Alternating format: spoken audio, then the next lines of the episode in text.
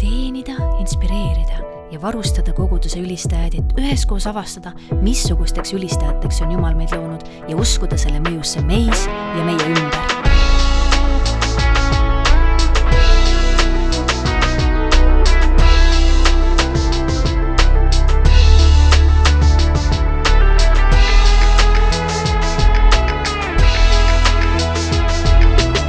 inspireeriv ülistus. Te kuulate saadet Inspireeriv ülistus. mina olen Ragne Kivimets, ülistusmissionär Eestis ja täna oleme rääkimas ülistuskultuurist ja saatekülalisteks mul on suur rõõm tutvustada mosaiikkoguduse ülistaja, PP festivali kogenud muusik ja laulukirjutaja Matteus Elbrecht ja 3D koguduse muusik, PP festivali bändijuht Carlos Roos, tere tulemast! tere tulemast! tere, tere! kuulge, nii äge, et te siin olete. väga võimsad need äh, presentatsioonid meist olid. Absoluutselt ja ma usun, oli lihtsalt kaks tavalist kitarristi, kes, kes naudivad teistega koos ülistuse tegemist. suurepärane, tegelikult ma arvan, et siin võiks nagu rollidest veel oleks võinud eh, pikemaks selle teha, aga kuna te olete ikkagi muusikud ja te olete ka ülistajad, et te oskate võrrelda, mis on sekulaarse esitusmuusika bändi kultuuri ja ülistusbändi kultuuri vahe, sest te olete ju mõlemas olnud, esitusmuusikat teinud ja ka ülistusbändis olnud. et mis te ütleksite, et on kõige suurem vahe? No mina olen äh, sellises esitusbändis või nii-öelda mitte kristliku sisuga bändis tegelikult olnud väga vähe, umbes nii kaks kuud vist Tenfold Rabbitis mängisin kunagi, aga ülistusbändides kõvasti rohkem. Äh, aga ma arvan, et võib-olla mis see peamine vahe minu silmis on, ongi see, et, äh, et see eesmärk, miks seda tehakse, on erinev. kui sa teed lihtsalt nii-öelda muusikat siis sa tõenäoliselt sa tahad olla muusikaliselt kuidagi väga eriline ja teha midagi väga ägedat ja jääda silma ja eh, saada võib-olla kuulsaks ja rikkaks, mida tänapäeval muusikutel küll ei ole mõtet unistada enam. Ja ilmselt, eh, okei okay,, see on selline nali, et ma usun, et eh, paljud, kes kes on hakanud muusikat tegema ja kes võib-olla nii-öelda meie tuntumad, praegu üle maailma tuntud bändid ja artistid ilmselt eh, ei ole kunagi seda hakanud otseselt raha pärast tegema. aga jah, ma arvan, just, just see eesmärk on erinev ja siis, kui sa teed ülistusbändi, siis see eesmärk on ju midagi muud, see on, see on tänada oma loojat, kellelt need annid on tulnud mm., kellelt tulevad need lauluideed, inspiratsioon ja, ja rääkida oma loojast, rääkida nii-öelda enda kogemustest ja, ja ma arvan, et see vundament siis on juba hoopis teine, sest et me ei tule kokku selleks, et mm. ennast kõrgeks tõsta, vaid selleks, et Jumalat kõrgeks tõsta jaa, ma olen täiesti nõus, mul on nagu seda kogemust mõlemat pidi päris palju ja, ja, ja, ja tegelikult eh, kui me võtame nii-öelda need maailma artistid või, või, või nii-öelda siis äh, ansamblid või koosseisud, kes, kes siis ei tee muusikat selle eesmärgiga, et tuua au Jumalale, siis siis tihtipeale nagu sa näed seal ka täiesti teistsuguseid äh, mõttekäike ja sa näed rohkem äh, erinevate inimeste egosi võitlemas omavahel, aga, aga kui me tuleme ikkagi ülistusmuusika juurde, siis, siis kõik see on seal ka, inimesed on ikka inimesed, aga lõpuks see, see lõppeesmärk on, on see, mis nii-öelda muudab nii-öelda selle, selle tähenduse täielikult, et, et ma olen ise väga kogenud seda, kuidas sellesama Peep ülistusmeeskonnaga me oleme nüüd päris pikalt juba päris sarnase meeskonnaga teinud kolm aastat äkki või isegi neli juba, et mõnikord sul võib tekkida see frustratsioon, et ah, miks keegi ei tee nii, nagu ta võiks teha või miks keegi ei harjuta nii palju, kui ta teeb, aga lõpuks, kui sa oled kok-, tuled kokku, oled seal üritusel või mis iganes kohas, kus sa seda ülistusmuusikat teed, see kõik pole enam oluline, see, see on täiesti teisejärguline. sa saad aru, et kõigi eesmärk on tuua au Jumalale. et, et see erinevus on, on, ma arvan, et põhiline ja nii ongi et see on selline, selline lihtsalt, see, see täidab sind ja, ja vastupidiselt siis ma ütleks, et ma olen päris palju saanud sellist emotsiooni nende bändidega, kus, kus võib-olla see eesmärk on mingi teine, et sa sa saad nagu sellise kiire nagu mingisuguse hea adreka nagu sellest ägedast kontserdist kuskil, aga nagu pärast sa oled ikkagi nagu täiesti tühi või kuidagi selline, et sa otsid seda järgmist kohe, et see, selliseid tundeid on mul olnud päris palju kas selline grupidünaamika on ka erinev, et Carlos, sina oled olnud, võiks nimetada nagu kolmes kategoorias. sa oled olnud ülistusbändis mm, -hmm. siis sa oled olnud esitusmuusika bändis, kus on kõik kristlased mm, -hmm. ja siis sa oled olnud esitusbändis, kus ei ole mitte keegi peale sinu kristlased. et kuidas sa neid kolm, kolme omavahel võrdled? Tõesti, see on, see on väga huvitav, noh, ma ütleks, et praegu Daniel Levi bändiga meie eesmärk äh, tegelikult on hästi sarnane sellele, mis on meie eesmärk, kui me teeme mingi ülistusmeeskondadega muusikat, et samamoodi me tahame, et meie sõnum kõnetaks inimesi ja võib-olla meie sõnum ei ole nii, nii selge alati või, või nii nagu otsekohene, aga see on nagu sama ja see on tegelikult päris huvitav nagu dünaamika, sest sul nagu nii palju uusi võimalusi avaneb läbi selle, jõuda tegelikult nende inimesteni, kes võib-olla ei vaataks selle ülistusbändi poole või, või mis iganes, aga samas võib-olla nii-öelda teistpidi nagu kuulab, kuulab meie muusikat ja, ja saab sellest sõnumist võib-olla aru ja, ja kindlasti on hästi oluline need teod seal taga, et milline sa ise inimesena oled nendes keskkondades. et minu eesmärk oli alati, on siiamaani alati austada inimeste aega, just, just kui võtta nii-öelda bändisisene kliima näiteks, mis on väga oluline ülistusmuusikas, see on väga oluline siis äh, tavalises esitusmuusika bändides või mis iganes, et sa austaksid teiste inimeste aega ja tegelikult äh, mida, mida enam sa lood sellist usaldust enda ja, ja teiste inimeste vahel, et nad tõesti saavad aru, et sina austad neid, siis tegelikult lõpuks ei olegi enam vahet, et mis, mis see koosseis on, sina saad ikka anda enda parima ja anda enda parim Jumalale, aga oluline on sealjuures nii-öelda mitte ära ennast kaotada, et lõpuks sa ei saa kunagi või noh, ma arvan vähemalt, et, et sa ei saa kunagi nii-öelda siis äh, sekulaarse bändiga nii-öelda sada protsenti öelda, et jaa, et ma nüüd teenin täiega Jumalat. või noh, nii-öelda, et see, selle bändi eesmärk alati on midagi muud. sinu eesmärk võib see olla, aga, aga see on nii-öelda üks asi, mida mina õppisin küll aastatega ja see on ka üks põhjus, põhjuseid, miks ma mingitest koosseisudest lõpuks otsustasin, et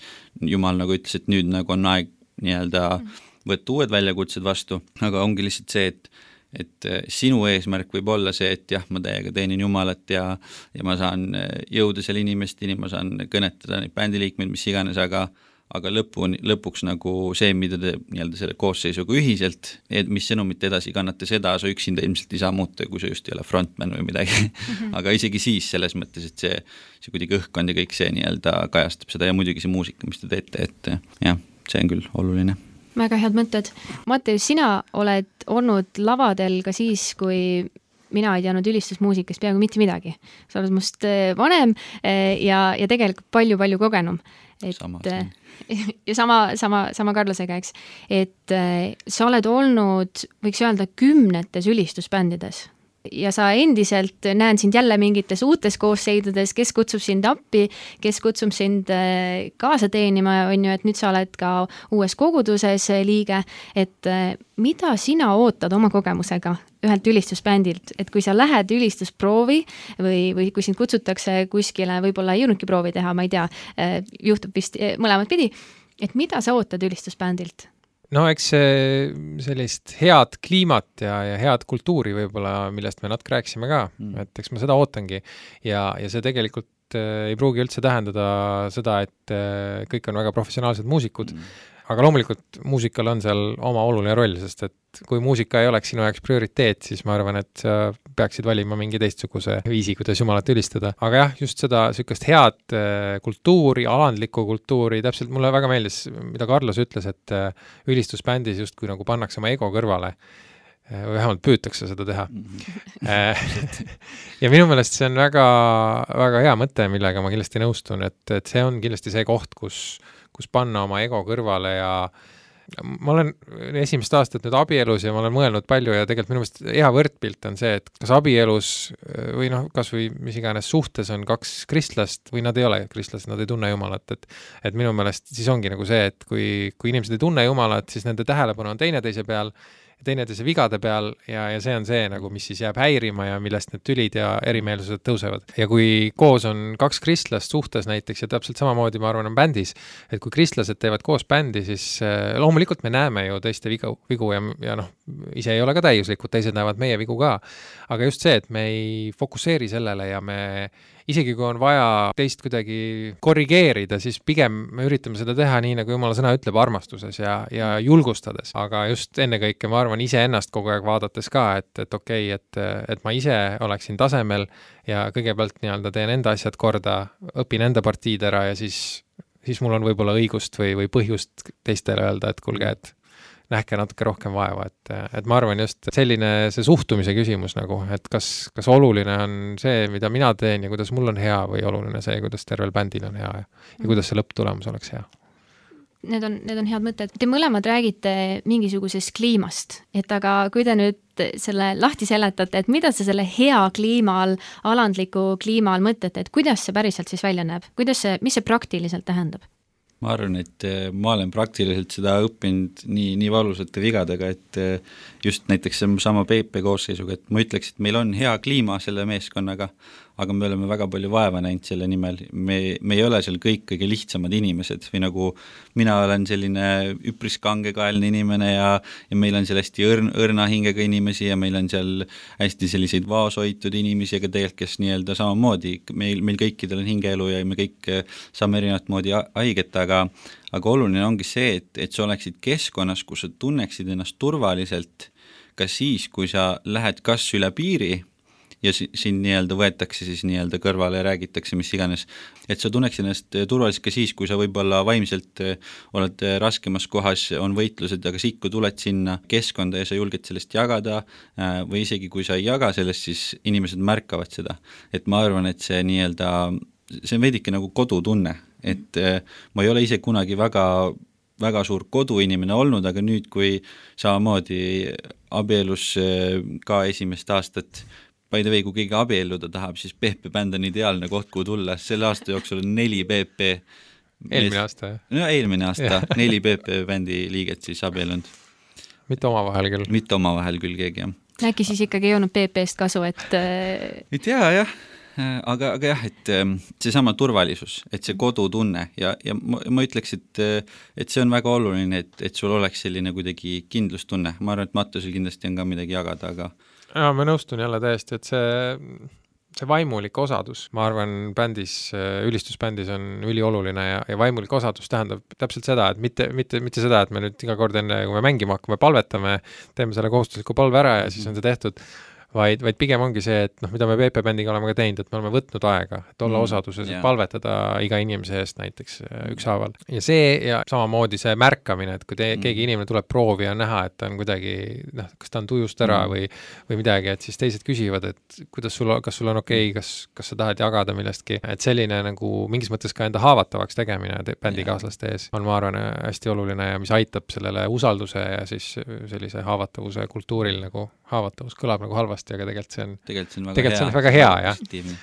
sest et inimestele kuidagi, see on nii huvitav fenomen, et kui sa näitad enda haavatavust, näitad, et sina ka eksid ja teed vigu ja mm. paned mööda, siis inimesed saavad aru, et sa ei olegi mingi imeinimene, vaid yeah. pigem leiavad neid sarnasusi mm. -hmm. aga noh te, teine asi, mida mina kindlasti mainiks äh,, bändi puhul ikkagi ei saa üle ega ümber muusika tegemisest ka ja ja kui me proovi tuleme näiteks tegema, siis äh,, siis tegelikult see on oluline, et et mingis mõttes äh, sa tuled ettevalmistunult, sa selle materjaliga tutvunud, sa oled oma partiide mm. kallal töötanud ja sa tuled ka sinna proovi selleks, et koos nüüd eda-, edasi neid asju arendada ja mm. lihvida, et et mis minu jaoks isiklikult tõmbab nagu selle kliima tihtipeale või tõmbab nagu moti maha, on see, et kui esimese asjana inimene tuleb proovi, küsib, kaua me teeme, millal yeah. me lõpetame mm mis tegelikult ma saan aru, et mingis, mingis kontekstis on see õigustatud, sest mm. Äh, vahel võib olla see probleem jällegi, et lihtsalt pannakse nagu ilma konkreetse lõputa ja venitatakse see asi liiga pikaks, on ju. et hea on piiritleda see aeg, okei okay,, see kell me alustame, see kell me lõpetame. aga, aga jah, vahel on lihtsalt selline tunne, et inimene tuleb sihuke, et ma üldse ei taha siin olla ja see on see, mis loomulikult lõhub seda ja ma lisakski, et seesama näide, mis sa tõid ka, et noh, kui keegi tuleb nagu proovi nii-öelda, et aa, et noh, et kaua me teeme või mis iganes, see ongi tegelikult see, et sul on võimalik see, see nagu üliperfektse ülistusmeeskonna nagu see, see proovikliima ära rikkuda esimese viie minutiga või siis vastupidi, seda palju üles ehitada. et tegelikult ma arvan, et meil on olnud, me oleme omajagu koos nagu saanud teha, et meil on olnud ka erinevaid situatsioone, kus kellegi öeldud mingi kommentaar kuskil kellegi suunas võib tegelikult kogu kliima ära lõhkuda ja kui sellest nagu ei räägita või, või kui sul on see ebakindlustunne, et sul terve proov on niisugune tunne, et nagu mingi hõõrumine kuskil, siis, siis see nagu, teeb nagu tegelikult kogu selle proovi hästi keeruliseks ja mm., ja õnneks nagu me teeme ülistusmuusikaproovi tihtipeale nagu mõne loo nii-öelda mängimine või, ja, seda ma olen tegelikult tähele pannud ülistusmeeskondades erinevates, et äh, tullakse neid lugusid nagu proovima. mina võtan alati nagu neid, neid proove kuidagi sellisena, et nagu see on ka koht, kus ma saan ülistada, sest tihtipeale kui ma olen kuskil festivalil või kuskil, ma olen rohkem see, kes jälgib. ma olen nagu südames väga tänulik, aga ma olen alati jälginud, sest ma jälgin alati nagu meie enda meeskonda, ma jälgin nagu inimesi, üritan sellest nagu kliimast seal aru saada, aga proov on see koht, kus mina nagu tahaks nagu ülistada ja siis tihtipeale ongi see, et nagu on hästi selline nagu proov, proov, proov, saame kõik detailid selgeks. aga mis, mis veel äh, meelde tuli, üks, üks hästi äge lugu, mida äh, mäletad, kui meil oli Viljandis äh, PP, samamoodi see osadusaja võtmine ja tegelikult meil oli, meil oli üpris palju asju veel teha nagu selleks. ja me otsustasime, et nagu sellise pika nagu proovi asemel me mõtlesime, et noh, lähme palvetame ennem korraks. Ja see ei olnud niisugune, noh, lähme vaiksesse kohta ja palvetame korraks. Ja kui me eksime, mingi palvetasime mingi tund või isegi kauem nagu, vähemalt tund, vähemalt tund nagu, et lihtsalt eh, mingi selline, me kõik nagu meeskonna nagu tundsime, et me vajame mingit palvet ennem, meil oli mega palju asju tegelikult teha nagu, mis, mis olid ka kõik olulised. Aga lihtsalt mingi tunnetus oli, läksime kuskile vaiksesse ruumi ja me lihtsalt olime seal pikalt ja ja nagu see seadis tooni terveks nädalavahetuseks ja see oli, ma arvan, et üks, üks nii-öelda ägedamaid äh, olemisi koos meil selle meeskonnaga, et äh, et tegelikult äh, jah, see, see kultuur on oluline, see kliima on oluline, et mul on tunne, et see, millest te räägite, et kultuuri tekitamiseks te olete ikkagi välja seadnud mingisugused ootused, et et Mattias, sa ütled mm. ka, et, et kui sa kohale lähed, sa eeldad, on ju, et inimesed on tegelenud sellega, nad teavad juba, mis laulud on, aga ma arvan, et see on ka äh,, igas koguduses tegelikult ju nii ei ole mm., sest neil ei ole ajaliselt see võimalik või et neil on teistmoodi kokku lepitud ja see on ka okei okay. mm. -hmm. et aga, aga see kultuur on, on see, millest me ühiselt samamoodi aru saame ja ma arvan, et need krabedad kohad tulevadki siis sisse, et kui me teeme kogu aeg sama asja, aga me ei ütle välja, et tegelikult ma võib-olla ootan hoopis midagi mm. muud kolmanda isiku käest, eks ole, ja sealt äh, ongi kultuur äh, natukene nihkes. et see tuleb ühiskultuuri luua, olete minuga nõus? jaa, kindlasti koguduses ka, me oleme siin rääkinud mitmeid korrad PP-st, aga, aga sina teenid, Matteus, mosaiikkoguduses mm -hmm. täna. Carlos, sina oled isegi juhtinud 3D kogu muusikateenistust mm -hmm. päris pikalt, on ju. ja seal on ka oma koguduse kultuur ja te olete käinud erinevates kogudustes mm teenimas, eks. kuidas te kirjeldaksite Eesti ülistuskultuuri niimoodi laiemalt? see on üks konkreetne ühepajatoit, ma arvan, aga see on okei okay,, et see on sest mulle väga meeldib ühepajatoit äh, aga, aga sa oled tege... siis ainuke ilmselt. Mis asja, see on väga hea. see on väga, väga kirju, aga ma arvan, et see on õigustatult, et see on väga kirju, sest me oleme näinud, ma arvan, et viimase kümne aasta jooksul me oleme näinud väga palju kultuurilist muutust just nii-öelda nooremate seas, kuni kolmkümmend näiteks et seal on nii-öelda mingisugune väga, väga tugev liikumine olnud, äh, meil on uusi kogudusi selle aja jooksul tulnud palju, meil on erinevaid laenamisi läänest, on ju, mis kõik on äh, väga hea ja tore, meil on ka väga palju neid kogudusi, mis on olnud siin pikalt ja kaua ja lähevad seda vana teed pidi edasi, aga samas ka uuenevad ja samamoodi tõmbavad ligi inimesi, et oluline ongi see, et et inimesed, neil on lihtne ja mõnus olla seal, kus nii-öelda nende maailmavaade ja kultuuriline vaade läheb nagu samastub eh, siis selle koguduse omaga, aga tihtipeale see kogudus, kus me oleme, võib-olla on kultuuriliselt tegelikult teistsugune, kui, kui sa võib-olla tahaksid, et, et ta oleks, et ja kui me räägime nüüd siis muusikakultuurist, muusika mm -hmm. väljendamise viisist, eks ole, kui ülistuskultuurist mm, -hmm. et eh, sest need on,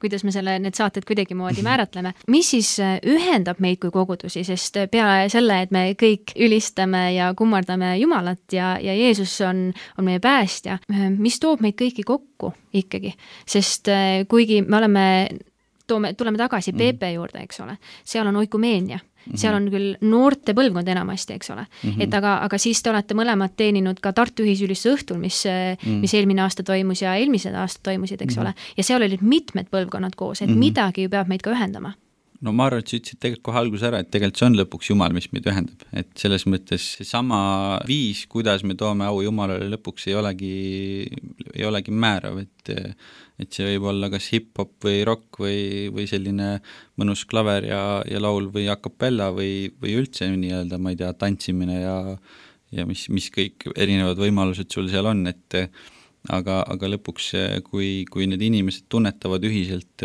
Jumala pühavaimu liikumas, ja ma arvan, et selles keskkonnas just nii-öelda, kus, kus nii-öelda see keskkond tekitatakse, siis see on juba iga inimese enda või iga kristlase enda nii-öelda siis, ma ei tea, kas kohustus on võib-olla natuke karm sõna, aga tegelikult kohustus ülistada või, või kuidagi, et või siis võimalus seda vastu võtta ja ega see lihtne teema ei ole, selles mõttes, et esimene mõte, mis mulle tuli, oli see, et kui me räägime Eestis siis meie kõige suurem ühine nimetaja ongi võib-olla see keel mm. ja see kultuur ja see Jah. see nagu piirkondlikud eripärad, mis meil siin on, mis meid ühendavad kõiki kogudusi nagu, kes siin tegutsevad.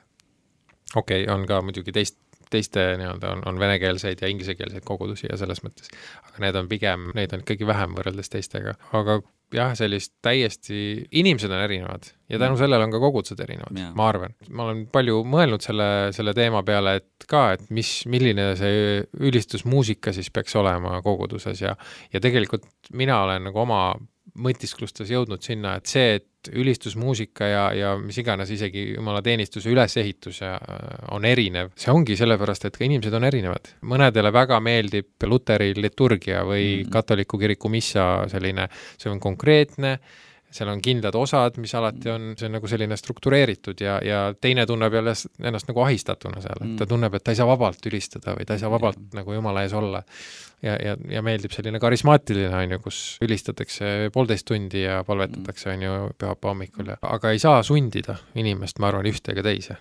Sest et äh, minu meelest see, see ei ole õige, me ei saa piiblist kusagilt minu meelest välja lugeda seda, et vot nii täpselt peab tegema ma lugesin küll huvitavat, Facebookis just paar päeva tagasi üks inimene postitas, ah ta vist postitas sinna, Hanna Kerli vist postitas sinna sinu selle postituse alla ka või kommenteeris, et tema on uurinud just seda, et, et kuidas siis see ülistusmuusika ja ülistuse juhtimise taust tegelikult Vana-testamendi ajal oli, et seda oleks päris huvitav kuulda Mm. Kui, kui ta sellest räägiks kunagi, ma loodan, et sa kutsud ta rääkima äkki.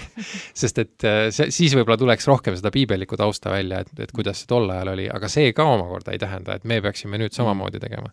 sest et see oli tuhanded aastad tagasi ja, ja mingis mõttes on see loogiline, et, et need väljendusviisid ikkagi äh, käivad ka natuke kaasas selle, selle ajastuga, kus me oleme.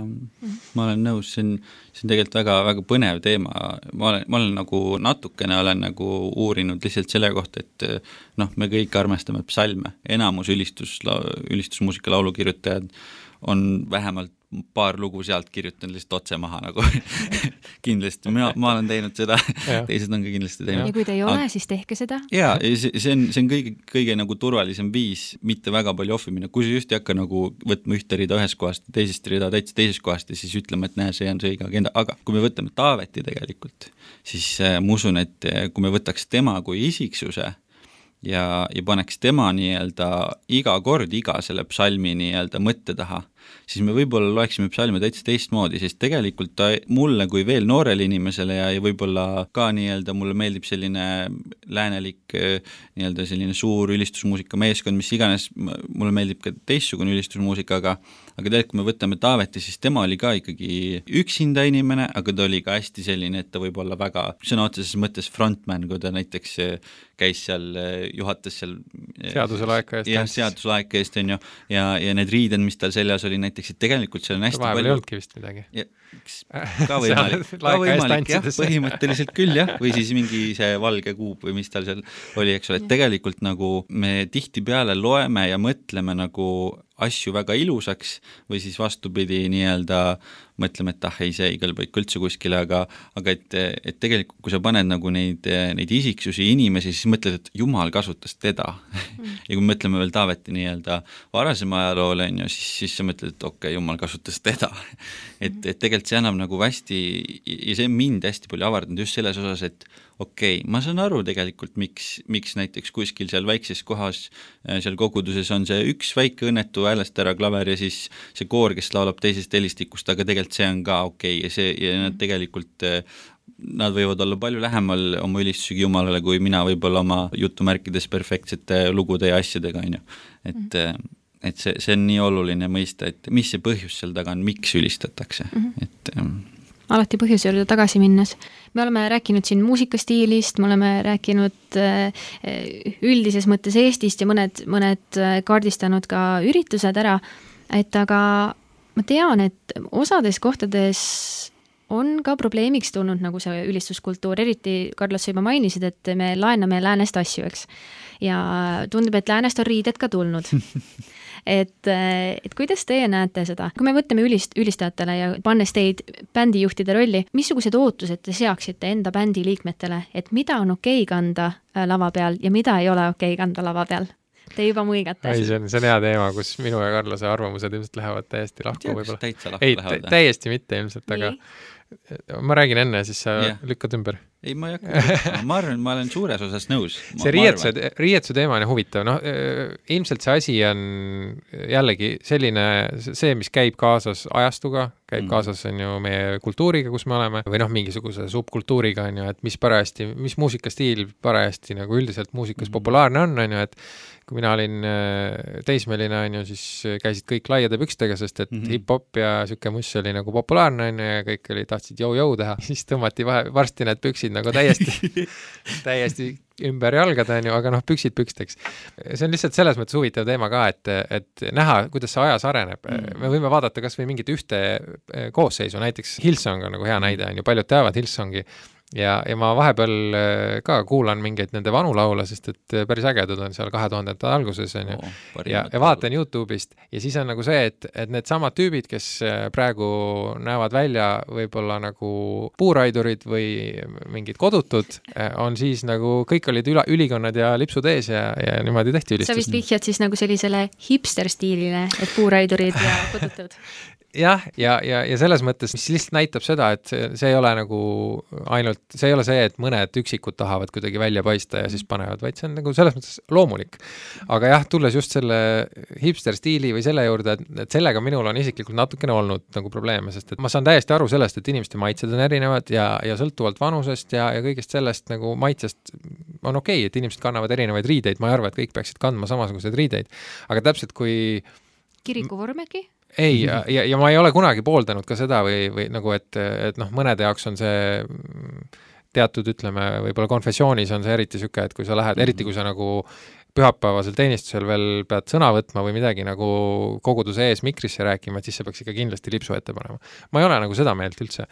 aga teisest küljest ma arvan, et see, kui sa lähed sinna teiste ette sellele platvormile ja, ja oled selles rollis, siis ma arvan, et, et nagu mingis mõttes natuke kriitiliselt peaks hindama seda mm., mis sa endale selga paned ja ma saan aru, et noh, näiteks katkised teksad või noh, need ei ole vist, ei tohi öelda katkised, sest et need tegelikult nagu see ongi niisugune stiil.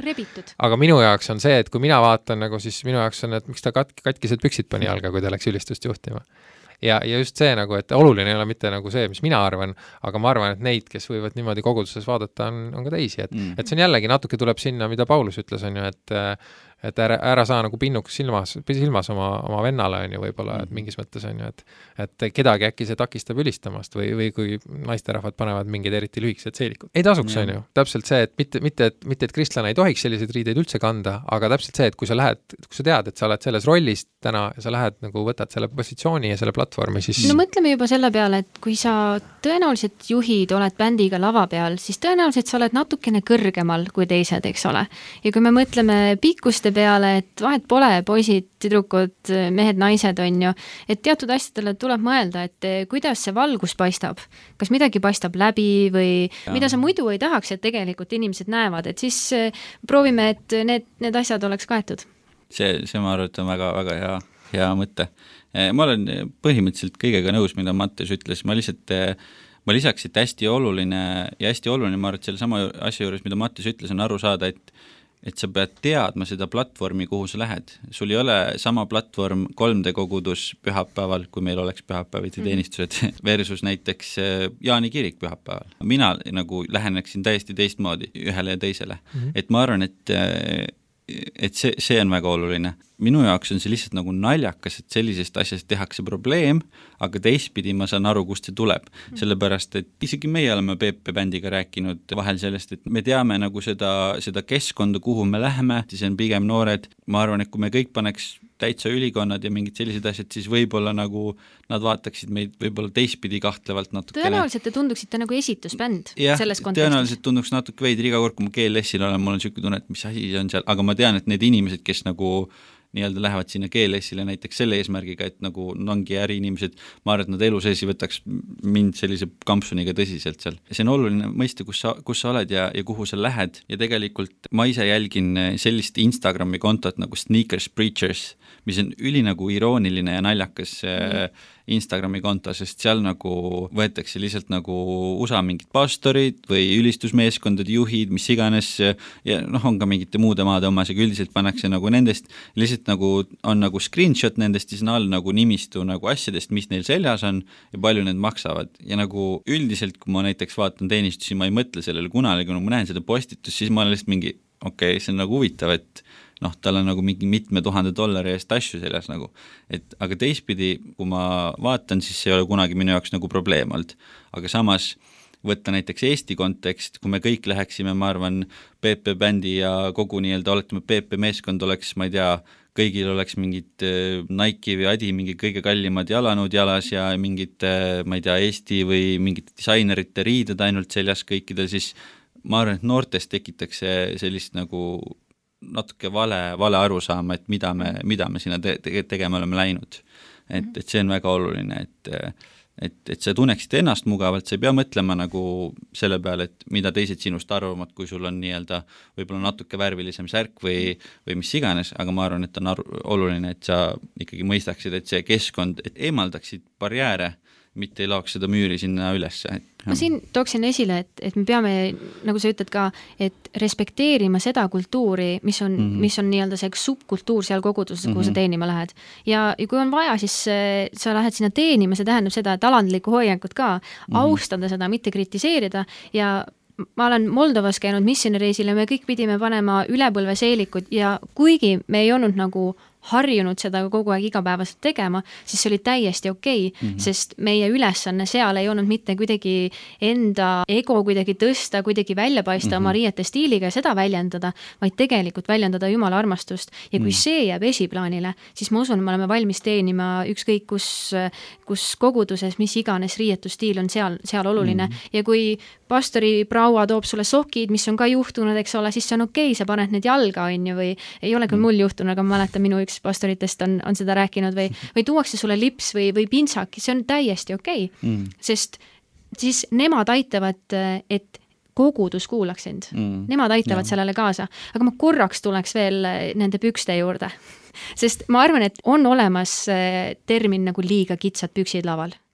ja ma arvan, et see jah. ei ole mitte ainult naistele, vaid või arvan, meestele. katkised püksid on suurem probleem. aga, aga ma, ma tooks nagu naisterahva perspektiivi nagu siia ka või võib-olla nagu vastupidi just, et aga kui sa oled naisterahvana esireas ja sa tead, et te, sul, sul ta, taga on veel trummarid ja kitarristid ja võib-olla pane mingi pikem bluus selga näiteks. minule ausalt öeldes meeldib see hipsterkultuur selles osas, et see on rohkem hakanud katma, kui ta paar aastat tagasi on katnud. Need pikad bluusid teevad, ma arvan, väga hea teenimise. pikad ja üsna sellised äh, lohkad, jah ja.? lohkad ja see on tegelikult väga mõnus, pluss, pluss need on, lähevad järjest nagu tumedamatesse toonidesse. mis, mis tähendab ka... seda, et valgus, kui peale paistab valgele, eks ole, ei, ei tekita mingit läbipaistvust seal, nii et see on nagu väga hea ja keegi peab välja ütlema need asjad ka see on okei okay., mul tuli meelde lihtsalt, see on nagu, ma ei ole uhke võib-olla selle üle, aga kunagi ammu, kui me tegime Messengeriga äh, ülistusteenistusi, siis tegelikult mina ikkagi ütlesin küll tüdrukutele, et nii, tüdrukud, panete, kõik panete pikad püksid ja mingid umbes kaelani pluusid selga nagu mm, -hmm. et äh, mis tundub nagu võib-olla kuidagi karm või niisugune ahistav tänapäeva kontekstis ja ma kindlasti ei tahaks seda viia sinna, kus nüüd mehed hakkavad ütlema naistele, mida võib selga panna, nagu me näeme näiteks moslemi kultuuris on ju. ja, ja ongi, et aga ma ütlengi, et äh, ma arvan, et mingi piirini on see täiesti okei okay,, et, et ka ülistusjuht või, või nagu see, kes mingis mõttes nagu mhm. kannab vastutust selle bändi mm. eest, äh, võib öelda, et kuulge, et niisugused asjad on okeid, niisugused asjad pigem võib-olla mitte mm. -hmm. just, ja see on jällegi see ootuste seadmine omavahel, eks ole mm. -hmm. riietusest liigume valguse ja tehnika peale. Eh, ma tean, et üks ülistajatest eh, oli, oli küsinud ka selle küsimuse, et kas meil on vaja nii palju valgustust, et vaadake, kui me tuleme suurtele konverentsidele, siis me nagu eeldame, et seal on nagu show mõttes on seal kõik, kõik koos, eks ole, ma ei ole selle vastu, aga, aga see küsimus, ma arvan, on väärt arutamist mm no see on jälle selline teema, jällegi me võiks ilmselt tund aega ainult sellest teemast rääkida ka, aga, aga üritame teha lühe, lühemalt. kogu see tehnika ja valguse ja niisuguse valgusshow, ma arvan, et sellega on nagu niimoodi, et see peaks olema väga, seda peaks kasutama väga targasti. niimoodi, et see toetab, see toetab neid laule, nende laulude sõnumit, äh, et ta on tegelikult justkui sinna nagu jah, nagu moodustab sellise sümbioosi selle muusikaga sest et noh, ütleme, kui me räägime sellest, et reeglina nagu lihtsalt me ei vaata seda, kuidas prožektorid käivad ja siis, et see Mm. nagu üksinda ülistab Jumalat, vaid tavaliselt see on nagu muusika ja võib-olla mingi videoekraanidega ja niimoodi koostöös. ja kui see suudetakse väga loominguliselt ja samas nagu jah, seda sisu ja, ja, ja seda toetavalt panna tööle koos muusika ja selle, siis minu meelest see on väga õigel, väga, väga omal kohal. aga loomulikult see ei tohiks olla eesmärk omaette. See ei tohiks olla see, et davai, et meil muidu nagu õiget asja ei saa, kui meil ei ole mingeid vilkuvaid ja äh, prosesid ja tossumasinat ja mingeid siukseid asju nagu. see ei tohi saada nagu eesmärgiks omaette. mm. ma ei tea. Carlos, mis sa arvaks? ma olen ka nõus, et, et samamoodi jällegi me peame võtma selle konteksti, et kuhu, kuhu me läheme ja kus me oleme, et ma arvan, et isegi, isegi PP suuruse festivali saaks korraldada täiesti teistmoodi, aga siis see eesmärk ja ja, ja nii-öelda võib-olla see sõnumi presentatsioon oleks teistsugune hästi oluline asi, millest vaadatakse tihtipeale mööda, on see, et iga selle valgustuse ja iga selle nii-öelda kaabli taga on mingi inimene tihtipeale. see on hästi huvitav, kui me käisime kaheksa aastat tagasi USA-s ühes megachurch'is ja me olime nii-öelda nendes sõberkogudus, saime nii-öelda nendega nagu selle põhikämpusega, mis seal oli, saime nii-öelda näha, kuidas nad töötavad tipptegijatelt, kes on palgatöölised ja kes, kes on vabatahtlikud ja ja saime nagu sellest, saime aimdust sellest nii-öelda pühapäeva hommikust. hästi huvitav oli see, mis välja toodi, oli see, et kõige suuremad konfliktid tekivad nagu ülistusmeeskonna ja, ja siis teiste produktsioonimeeskondade vahel mm.. sest ülistusmeeskonnana me nii tihti nagu tahame nagu, et, et see, mis me välja nii-öelda anname, et see oleks kõik nagu hea ja ja toimiks ja et esimese asja nagu mõtlen näiteks enda peale, mõtlen, ma tahaks, et mul oleks hea kõrvamiks nagu. aga kui ma hakkan sealt nagu tagasi mõtlema samme, mis peab selleks juhtuma, et mul oleks hea kõrvamiks näiteks, võtta sinna nii-öelda mingid tehnikatüübid, eraldi inimene, kes heli teeb, keegi pidi selle sinna kohale vedama, keegi pidi tegelema sellega, et projekt kirjutada, et kui me hakkame juure tasandile mõtlema nagu, et siis tegelikult iga selle, iga selle sammu taga tihtipeale on inimene, kes tegelikult on oma parimal viisil teeninud Jumalat. ja ma arvan, et see, mida Mattias ütles, see on väga hea, et see asi peab töötama sümbioosis. ja ma arvan, et me oleme sellega ja astume ilmselt edaspidi ka ja, ja õpime vigadest, aga ma arvan, et me oleme tihtipeale mõelnud, et jah, me võtame nagu selle mingi jõhkra tehnika hulga, kõik need ägedad valgused ja tegelikult me ei oska nendega midagi väga teha või nagu mm -hmm. kogu austuse juures no. nende ees, kes teevad neid asju, nad teevad, annavad, annavadki oma parima, aga ma arvan, et me oleme tihtipeale overshoot inud mingite asjadega.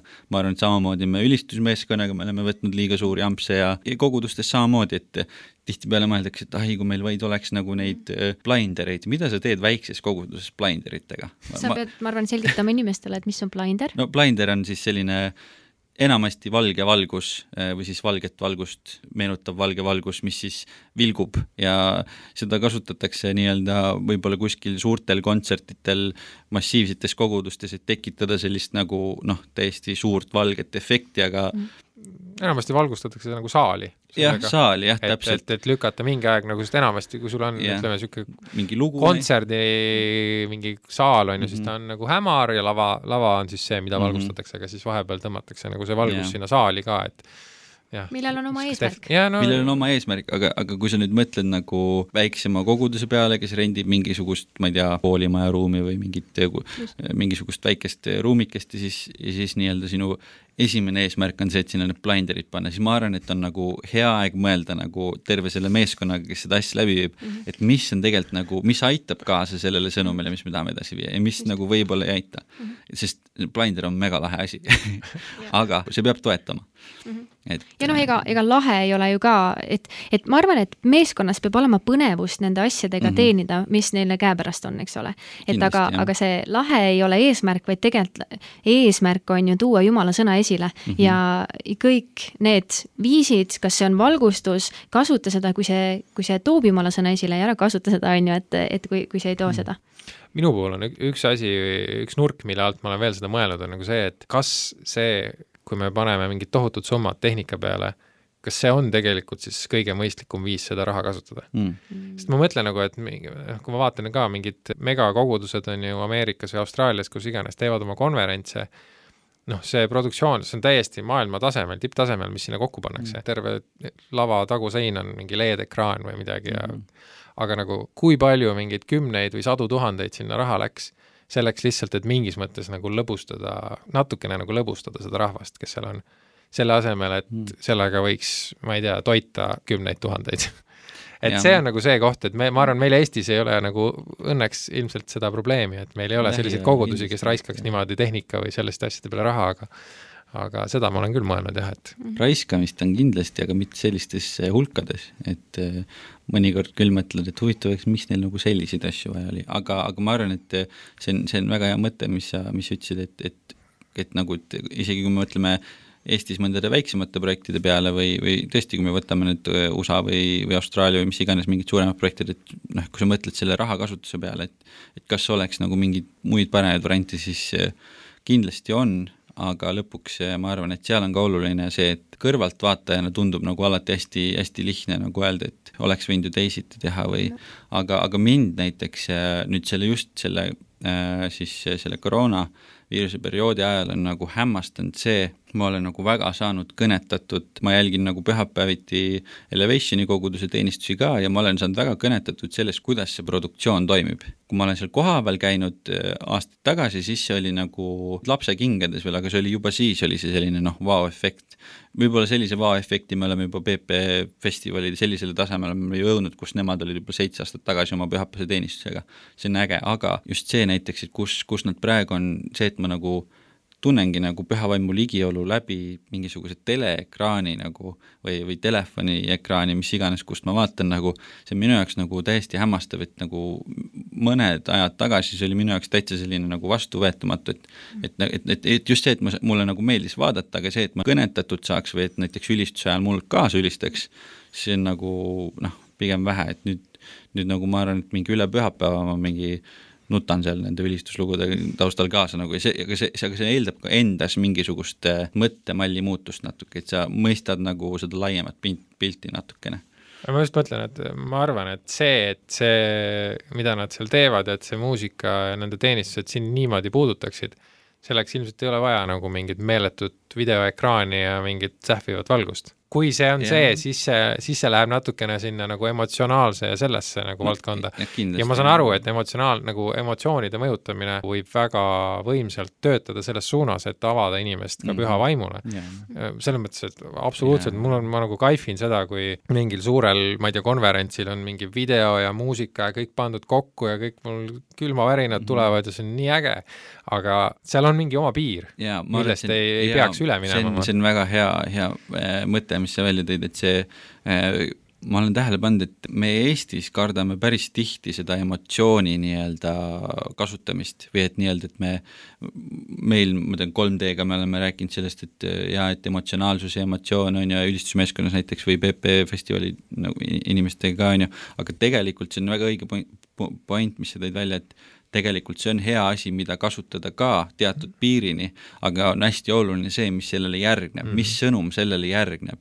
Äh, ja see on üks asi, milles ma arvan, et meil on metsikult areneda, ongi seesama, kui me võtame ja kui me tahame nii-öelda mingisugust äh, flow'd või siis äh, mingisugust jaa, mingisugust jaad jah, sellist voolavust luua näiteks mingisugusele ülistus slaš ülistusteenistusele, siis ma arvan, et on hästi oluline see, et seal oleks seda emotsionaalsust ka ja neid emotsioone, aga see, mis sellele järgneb, peab olema väga tugev sisu, äh, väga, mis nii-öelda kuidagi mingis mõttes ratsionaliseeriks seda emotsiooni ja tooks uuesti nii-öelda natukene võib-olla grammi võrra tagasi, aga annaks sinna seda äh, mingit dialoogiat, mingit tarkust ja, ja mingit nii-öelda tõde, et see on hästi oluline armsad kuulajad, ma küsin ka teie käest, et missugune on teie koguduse ülistuskultuur ja väljakutse jätangi teile, et küsige oma koguduses, mis te arvate, et mis on teie koguduse ülistuskultuur ja millist te tegelikult tahate.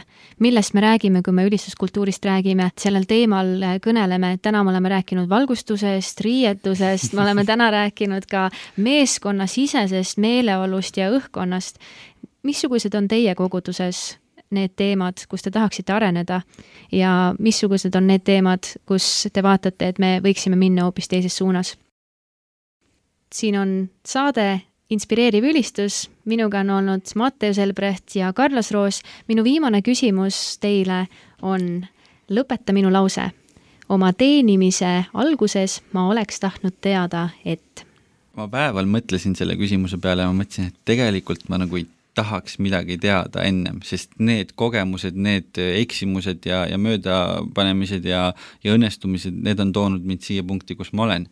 aga võib-olla kui päriselt mõelda, siis ma arvan, et ma oleks tahtnud teada seda, et kuidagi selline mõte nagu on minu peas, et sa ei saa endale nagu ise valida perfektset meeskonda, et inimesed on alati nagu vigadega, sina ise kaasa arvatud. et kuidagi oma nagu peas, kui ma kujutan ette mingit üritust ja mis meeskonnaga võiks minna, ma kujutan ette nagu seda perfektset lahendust ja see võib olla nii inimese tüübist, et ma olen mingis osas hästi perfektsionist ka.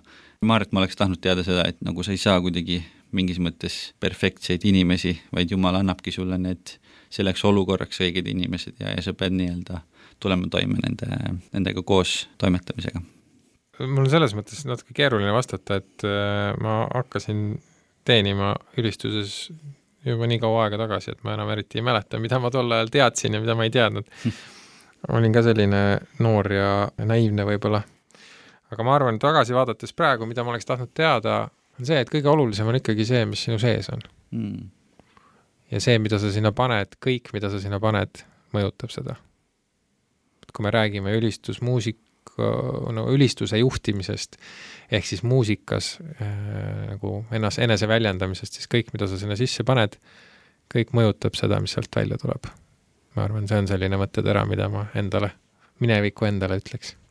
aitäh, te tulite ja vestlesite sellel võib-olla kohati raskel teemal. ei, teema on väga põnev, aga, aga ma arvan, et äh, me tõesti täname sind ka, et sa kutsusid, sest äh, see, see on oluline teema, see on põnev teema aitäh sulle! aitäh, et sa kutsusid ja edu sulle edasiste arutlustega! kuulajad, kohtume varsti!